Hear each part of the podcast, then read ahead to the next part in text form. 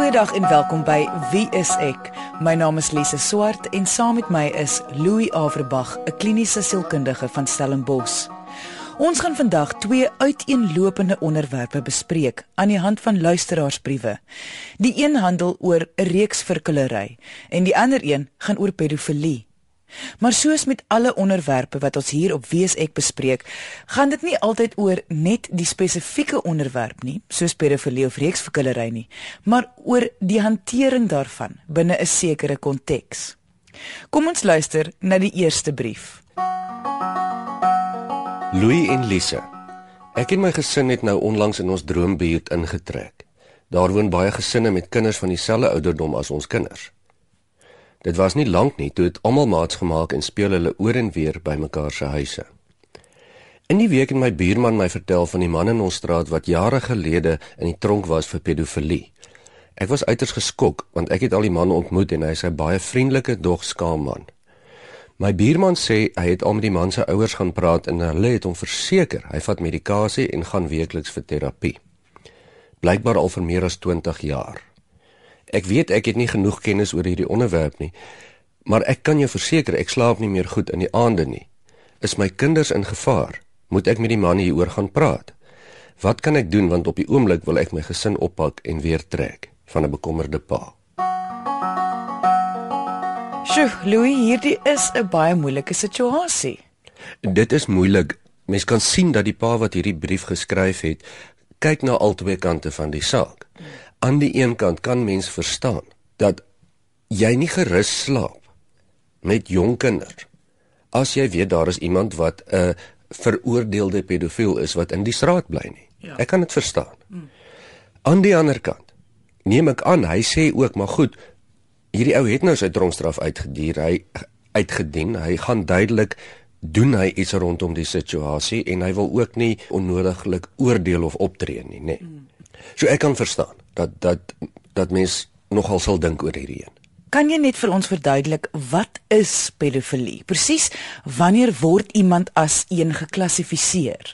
Ja, mense word meer geklassifiseer in terme van seksmisdade. Nie noodwendig pedofilie nie. Pedofilie is maar 'n term wat ons gebruik om te verwys na mense wat seksuele behoeftes na jong kinders ervaar en sukkel om dit te onderdruk en iemand wat dan daarop reageer, sal mens dan nou noem as 'n pedofiel. Hmm.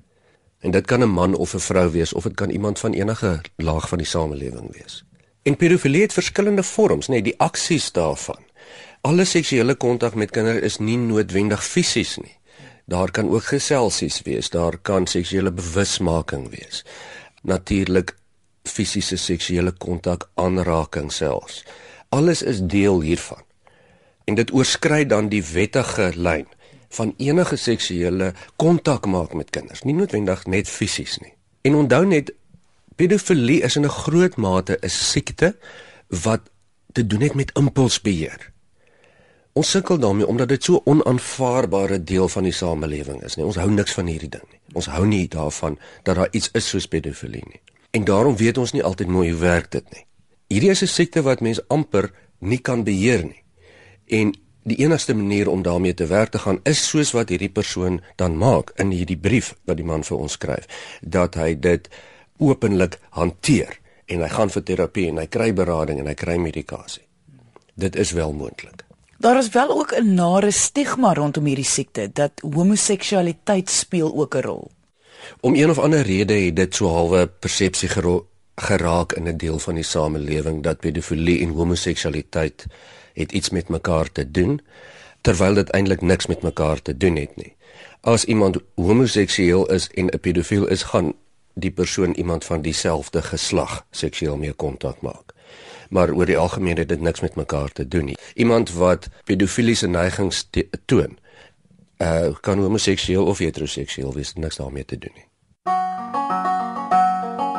Indien pedofilie wel 'n siekte is en die persoon sukkel met die impuls, hoekom besluit die persoon nie net om net niks aan die kind te doen nie of net weg te bly van die kind? Wel dit is die kern van van die hele probleem. Um ek dink baie mense sê dat ons kan verstaan as iemand 'n geneigtheid het tot Mens kan nie help wat hulle voel nie. Mens kan nie help hoe jy dink of wat jou behoeftes en begeertes is nie. Maar jy is veronderstel om te kan beheer wat jy doen of 'n besluit neem. Of 'n besluit neem en dis waar die samelewing se groot probleem inkom met pedofilie. Die gevoel is, maak nie saak wat jy dink en wat jou impulse is nie, jy moet dit beheer. Anders gaan jy moeilikheid kry van ons die res van die gemeenskap af. Wat wat waar is en wat reg is, nê. Nee. Wat ons net hier moet sê is ons moet gaan dink aan impulsbeheer op 'n breë vlak. Goed waarmee mense sukkel om 'n impuls te hê. Kom ons sê jy het 'n skrikimpuls. Iets gebeur en jy skrik, jou liggaam reageer daarop. Dis amper 'n outomatiese reaksie. Sonder om dit noodwendig goed te keer, moet ons ook besef dat by pedofilie het meeste van hierdie mense baie sterk impulse en sukkel geweldig om dit te beheer. Baie pedofiele wil dit graag beheer en besef dat hierdie is totaal onaanvaarbaar, maar sukkel geweldig om dit te doen. So wat jy sê is In baie gevalle is dit dat 'n pedofiel sukkel met die impuls, kan dit nie beheer nie, maar is baie bewus daarvan dat wat hy of sy doen is verkeerd. Ja, dit kom nogal voor. Soos byvoorbeeld die man in hierdie brief is baie duidelik dan iemand wat moeite maak om dit wat hy teen die samelewing gedoen het nie weer te doen nie. Die ouers het die buurman verseker hy vat sy medikasie. Hoe help die medikasie hom? Vir sommige mense wat sukkel met hierdie impulse, help medikasie baie keer. Nie altyd nie, maar dit help. Ehm um, veral vir daai impulse en vir die vir die herhalende gedagtes. So deel van die bestuur van hierdie seksuele verstoring is onder andere ook medikasie om te help om die impulse te beheer. Dit help nie altyd nie, maar dit help in 'n mate. Ek neem aan dit is hoekom die terapie dan ook belangrik sal wees. Die terapie wat hierdie man dan ook kry. O ja, en dit gaan dan om effektief te kan leef in die samelewing sonder om die samelewing te na te kom en te leer om hierdie impulse onder beheer te hou. Soos wat baie van ons ook maar moet leer in die lewe om ander impulse soos aggressie ehm um, of onmiddellike behoeftes te onderdruk ter wille daarvan dat ons in die samelewing moet oor die weg kom. Ek probeer nog so 'n bietjie gou die die die impuls verstaan. Jy het nou gesê aggressie. Toe laat my dink aan padwoede. Dit is wat ek ek neem aan jy bedoel kan 'n impuls wees. Met ander woorde, jy ry lekker in jou kar, alles gaan vrolik, iemand jaag voor jou in en sonder jy dit vir 'n oomblik kan beheer, is jy woedend en ons het al baie keer gesien hoe mense dan baie keer verkeerd optree, waar hulle ook 'n verkeerde keuse maak. Ek vergelyk nou glad nie dit met die twee met mekaar nie. Ek probeer net daai impuls verstaan. Verstaan ek dit reg? Ja, in 'n groot mate. In hierdie voorbeeld sou mens dan nou kan sê die persoon wat in die kar ry ry met 'n onderliggende aggressie-probleem in elk geval. Daar is 'n mate van aggressie wat sluimer, maar daardie persoon sal nou nie heeltemal so kwaad geword het as die ander persoon nie voor hom of haar ingery het nie. Daar's iets wat dit gesneller het. Daar's 'n stimulus, iets wat dit prikkel. En dit is maar dieselfde met pedofilie. Daar's heeltyd die geneigtheid, die seksuele bewustheid tot, maar dit word geprikkel as die geleentheid om dalk voordoen. Dit maak dan die brief baie meer relevant want die man bly in 'n straat waar haar kinders woon. Is dit nie 'n geleentheid wat homself dan gedurig voordoen nie? Nie noodwendig nie, want die hele samelewing is vol kinders. In sommige gevalle is dit nou nie nodig dat hierdie man moet gaan op 'n verlate eiland bly nie. Dis duidelik dat as ek dit reg verstaan, hy dit heel reg kry om nou in die samelewing te kan funksioneer waar hy dit vroeër nie reg gekry het nie. En dit hang ook maar af van in hoe mate mense impuls hoe sterk dit is hoe mense dit onder beheer kan kry. En ek dink vir die gemiddelde luisteraar kan dit vergelyk met gewone seksuele impulse. Iets wat meeste van ons ervaar, soms sterker as ander kere, maar hooplik kan ons dit min of meer onder beheer hou wanneer ons wil. En dis maar eintlik dieselfde proses. Jy luister na Wie is ek met Louie en Lise op RSG 100 tot 104 FM. So hoe kan die skrywer van die brief weer gerus voel, dalk weer slaap in die aand? Want dit is tog eintlik want hy wil weet. Hy is tog bewus daarvan, die man neem medikasie, die man gaan vir terapie al vir amper 20 jaar is hy weer deel van die kom ons sê tussen aanhalingstekens, die normale samelewing. So hierdie man het so half 'n bewustheid daarvan. Maar hoe gaan hy weer gerus voel? Ek dink hy moet met die man gaan praat. En ons gee vir hierdie oortreder die voordeel van die twyfel, want hy werk baie duidelik daaraan. Ons moet onthou, mens kan nie help om hierdie gedagtes en behoeftes te hê nie. Maar mens kan tog help hoe jy dit hanteer en dit is duidelik dat hy dit hanteer. En as ek die pa was in hierdie geval, sou ek al die vrae mooi vir die man gaan stel. En ek glo hy sal dit waardeer. Dit is verskriklik sleg vir iemand om wat foute in die verlede gemaak het en oortredings begaan het om weer in die samelewing in te kom. Dis baie moeilik. Veral met 'n oortreding soos hierdie, iets waarop die samelewing absoluut fokus as onaanvaarbaar. En veral vir iemand soos hy wat baie duidelik hard werk daaraan. So ek sou as pa met hom gaan praat. Ek dink hy sal dit waardeer en as jy dan oordentlik vir hom al die vrae vra, sê vir hom verduidelik dit vir my. Hoe werk dit? Uh wat is jou behandeling? verstaan dat ek jou nie wil oordeel nie, maar ek bly met klein kinders hier in jou straat. Kom ons praat oor hierdie ding. Voel ek dan kan ons almal 'n stap vorentoe gee, nê? Nee. Dat ons verstaan wat aangaan. Ek dink nie dis noodwendig nodig om te trek nie. Dit is nie asof almal wat pedofiliese fantasieë het noodwendig net sit en wag vir die volgende prooi nie. Daar is wel mense wat wat so te werk gaan, maar dis nie almal nie. En dit klink nie vir my asof dit die man in die straat is wat so te werk wil gaan nie. En wat ook duidelik is van die skrywer is dat hy wil die kennis, die nodige kennis invind. Dit is duidelik 'n man wat besef jy kan nie 'n situasie hanteer sonder om presies te weet wat aangaan nie. En soos ons altyd sê so op wees ek is kommunikasie is eintlik al wat jy het. Jy kan net gaan vra as jy wil weet. Ja, jy kan gaan vra die feit dat die man in die samelewing woon sy bes te probeer wys ook dat hy wil graag deel wees van die samelewing. Hy wil sy foute regmaak. En waarom sal mens dan nou nie 'n oop gesprek met hom ingaan nie? Voordat jy enige besluite maak wat dalk op onkunde gebaseer is nie. So Louis, wat sal jou antwoord aan hierdie skrywer dan nou wees? Ek hou van die brief wat die meneer geskryf het. Dit is vir my 'n denkende persoon wat nie net sommer optree nie. En ja meneer, ek stem saam, jou kinders se veiligheid kom eers. Dit is heeltemal reg. Maar ek dink nie dis noodwendig nodig dat mens nou die kind met die badwater moet uitgooi hierson nie. Eerder die duiwel wat jy ken as die duiwel wat jy nie ken nie. Laat jy weet wat aangaan en dan kan jy jouself beter voorberei. So gaan gesels met hom. En ek dink as ek reg verstaan, dit sal nie heeltemal nodig wees om nou weer te trek.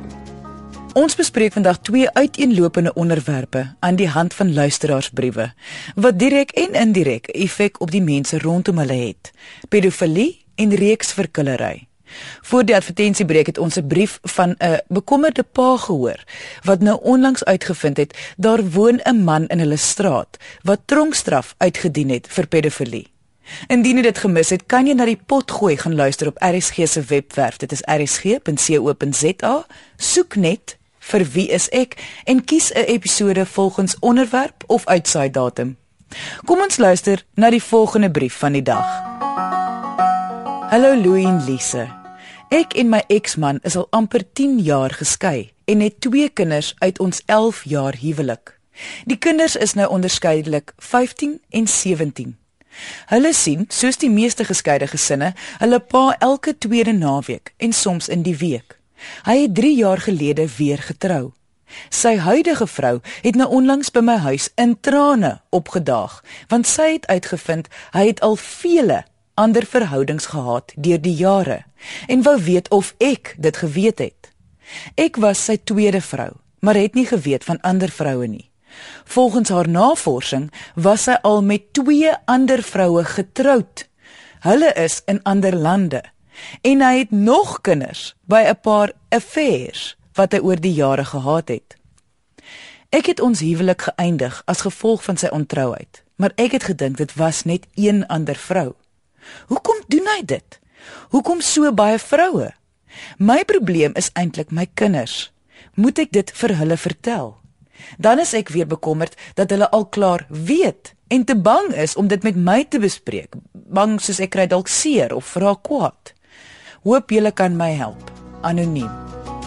Indien jy wil hê ek en Louie moet jou brief, storie of vraag hier op Wees ek bespreek, kan jy ons kontak deur ons webwerf wieisek.co.za of gaan na ons Facebookblad onder Wie is ek met Louie en Lise. Onthou alle briewe wat bespreek word sal anoniem bly. Louis, is ek reg as ek vermoed ons het hier te doen met 'n klassieke reeks verkiller? Mens vermoed dit. Ons is nie heeltemal seker nie, want wat ons nie hier weet nie is het hy in die verlede baie gekil want dis wat die brief sê en dit het nou opgehou of is dit hierdie patroon gaan voort? En op grond van die verlede kan mens dalk sê Jessie dis daar's dalk 'n kans dat hy kan aanhou om so heeltyd aan te gaan nê nee. so hang af wat 'n klassieke reeks vir killer is. 'n klassieke reeks vir killer is tog iemand wat doelbewus beplan om aanhoudend te verkil. Dit is nou onmoontlik om te sê of dit nou sy bedoeling is of nie maar dit het baie die patroon Dit lyk tog so. Jy sê nou daar van die beplanning, maar wat is die tekens van 'n reeks verkiller? Want ek is bang elke vrou wat nou na hierdie luister, gaan haar man sien as een. Daar is tog 'n verskil tussen iemand wat al baie verhoudings gehad het en 'n reeks verkiller. Ja, ons praat nie hier van dieselfde ding nie. Iemand daar's baie mense wat sukkel in verhoudings en wat partykeer ontrou is in verhoudings. Dis nie noodwendig iemand wat 'n reeks verkiller is nie reeksverkillery weer eens het 'n doelbewuste plan. Daar is amper die plan van voordat ek in hierdie verhouding of dit nou 'n huwelik of net 'n verhouding ingaan, gaan ek in elk geval weer in 'n ander een ook ingaan. Dis die plan agter die ding wat die reeksverkillery maak. Maar is dit soos 'n soeke na iets of is dit oor dat jy raak maklik verveeld of wat sal die rede wees daarvoor? Kyk, herhaalde gedrag soos 'n patroon van gedrag om herhaaldelik te kil byvoorbeeld is sielkundig gemotiveerd. Want mens sou kon redeneer waarom doen hy dan al die moeite om die verhoudings vas te maak en te trou? Dan kan hy mos enkel lopend bly in die bondel vry en nie vir homself al hierdie onnodige moeite op die hals haal nie. Hmm. maar wat mens dan sien is 'n patroon om wil 'n verhouding dan 'n vaste verhouding te wil hê terwyl daar nog een of twee ander vaste verhoudings is en dit herhaaldelik te doen. Dit beteken hy kry iets daaruit. Baie keer doen mense dit en ons almal het al gelees van hierdie mans wat 3, 4 vrouens trou, al hulle besittings en eiendom op sy naam kry en dit is dan vir finansiële redes, nê. Nee. Dis nie vir sielkundige redes nie, dis maar blote misdaad. As jy sê sielkundige redes, wat presies wat bedoel jy sielkundige redes? Sielkundige redes gaan gewoonlik gepaard met goed wat nie logies is nie. 'n Voorbeeld van 'n logiese 'n skelmstreek sou wees ek trou met die vrou omdat ek haar erfgeld wil hê byvoorbeeld. Mm. Dis nie 'n sielkundige rede, rede nie, dis sommer net 'n skelmstreek. Sielkundige rede sal wees aanvaarding om goed te voel omdat ek 3, 4 verskillende mense het wat graag met my 'n verhouding wil wees of die gevoel van mag wat ek daaruit dalk kry. Kan dit iets wees soos aanvaarding van die samelewing omdat die samelewing aanvaar mense wat getroud is baie beter as gewoonlik op 'n sekere ouderdom as enkel lopend is, kan dit self so iets wees? Ja, daar kan so baie faktore wees. Jy weet dit gaan in die opsig dan mense wat reeks verkil, doen dit vir 'n rede. Dit kan dalk goed lyk vir die werk of goed vir die ego of wat dit ook al is, wat ook al 'n obskure sielkundige rede is. Elke reeks verkiller se redes verskil omdat sielkundige redes baie kompleks is, nê. Is net mans reeks verkillers of geld dieselfde titel ook vir vroue? Nee, dit geld vir vroue. En En ek wil ook nou sê mens moet versigtig wees vir hierdie term reeks verkiller. Dit kom nie so baie voor nie. Maar dit kom onder albei geslagte voor. Deur die jare heen het ons altyd meer geweet van die mans wat dit doen. Want die uiteinde is altyd die arme vrou wat waarskynlik verlate sit sonder heenkome. Maar dit gebeur ook baie andersom. En mans is net nie so geneig om dit bekend te maak as hulle nou die slagoffer was van so 'n reeks verkillery nie want hulle voel meer skaam daaroor. Maar dit gebeur nou albei geslagte toe ja. Hoe het sy vroue nie agtergekom met wat hulle te doen het nie?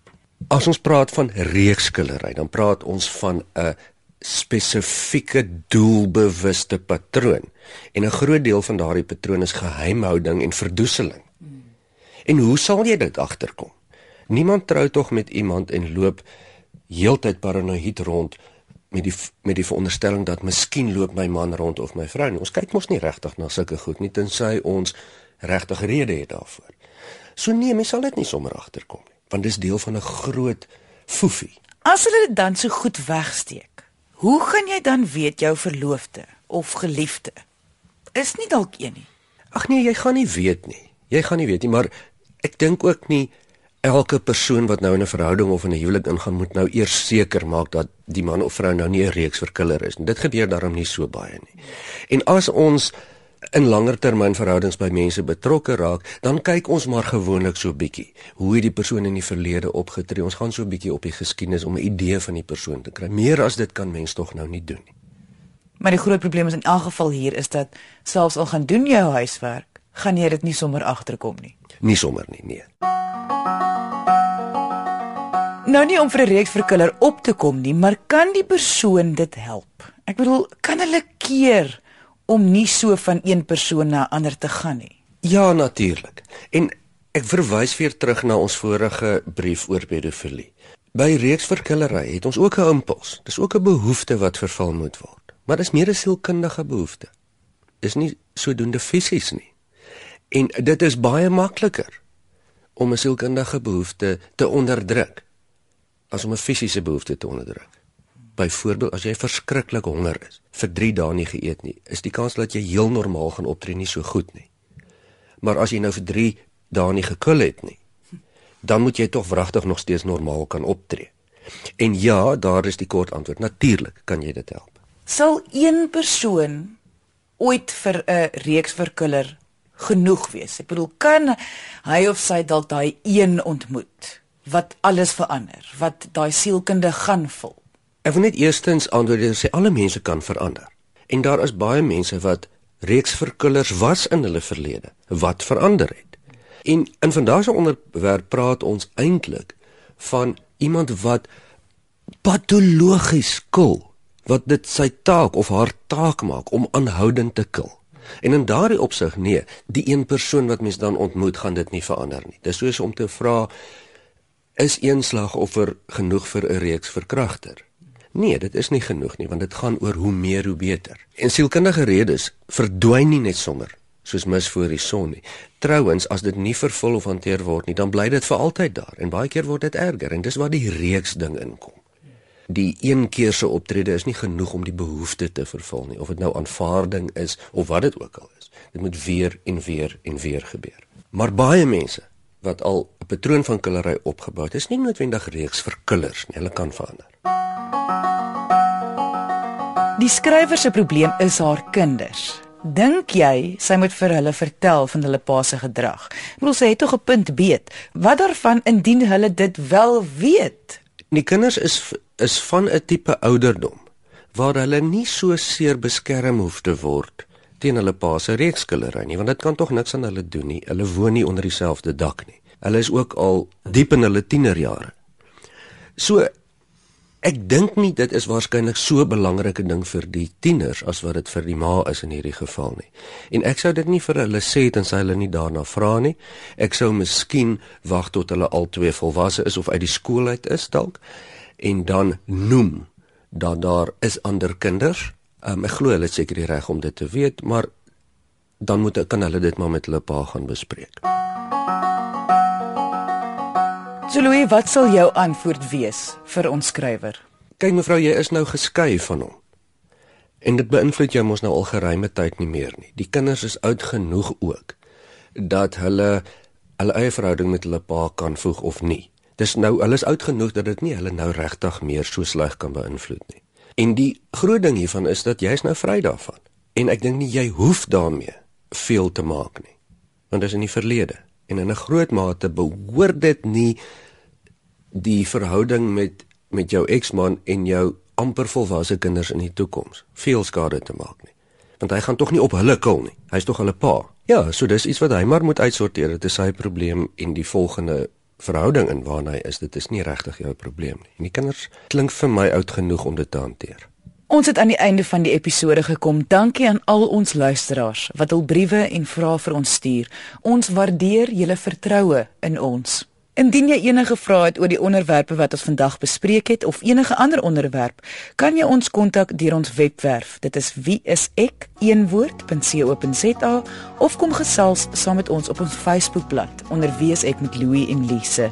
Dankie dat jy vandag ingeskakel het. Ons maak weer so volgende Vrydag 0.30 net hier op RSG. Jy moet 'n heerlike naweek hê he, en onthou, kyk mooi na jouself.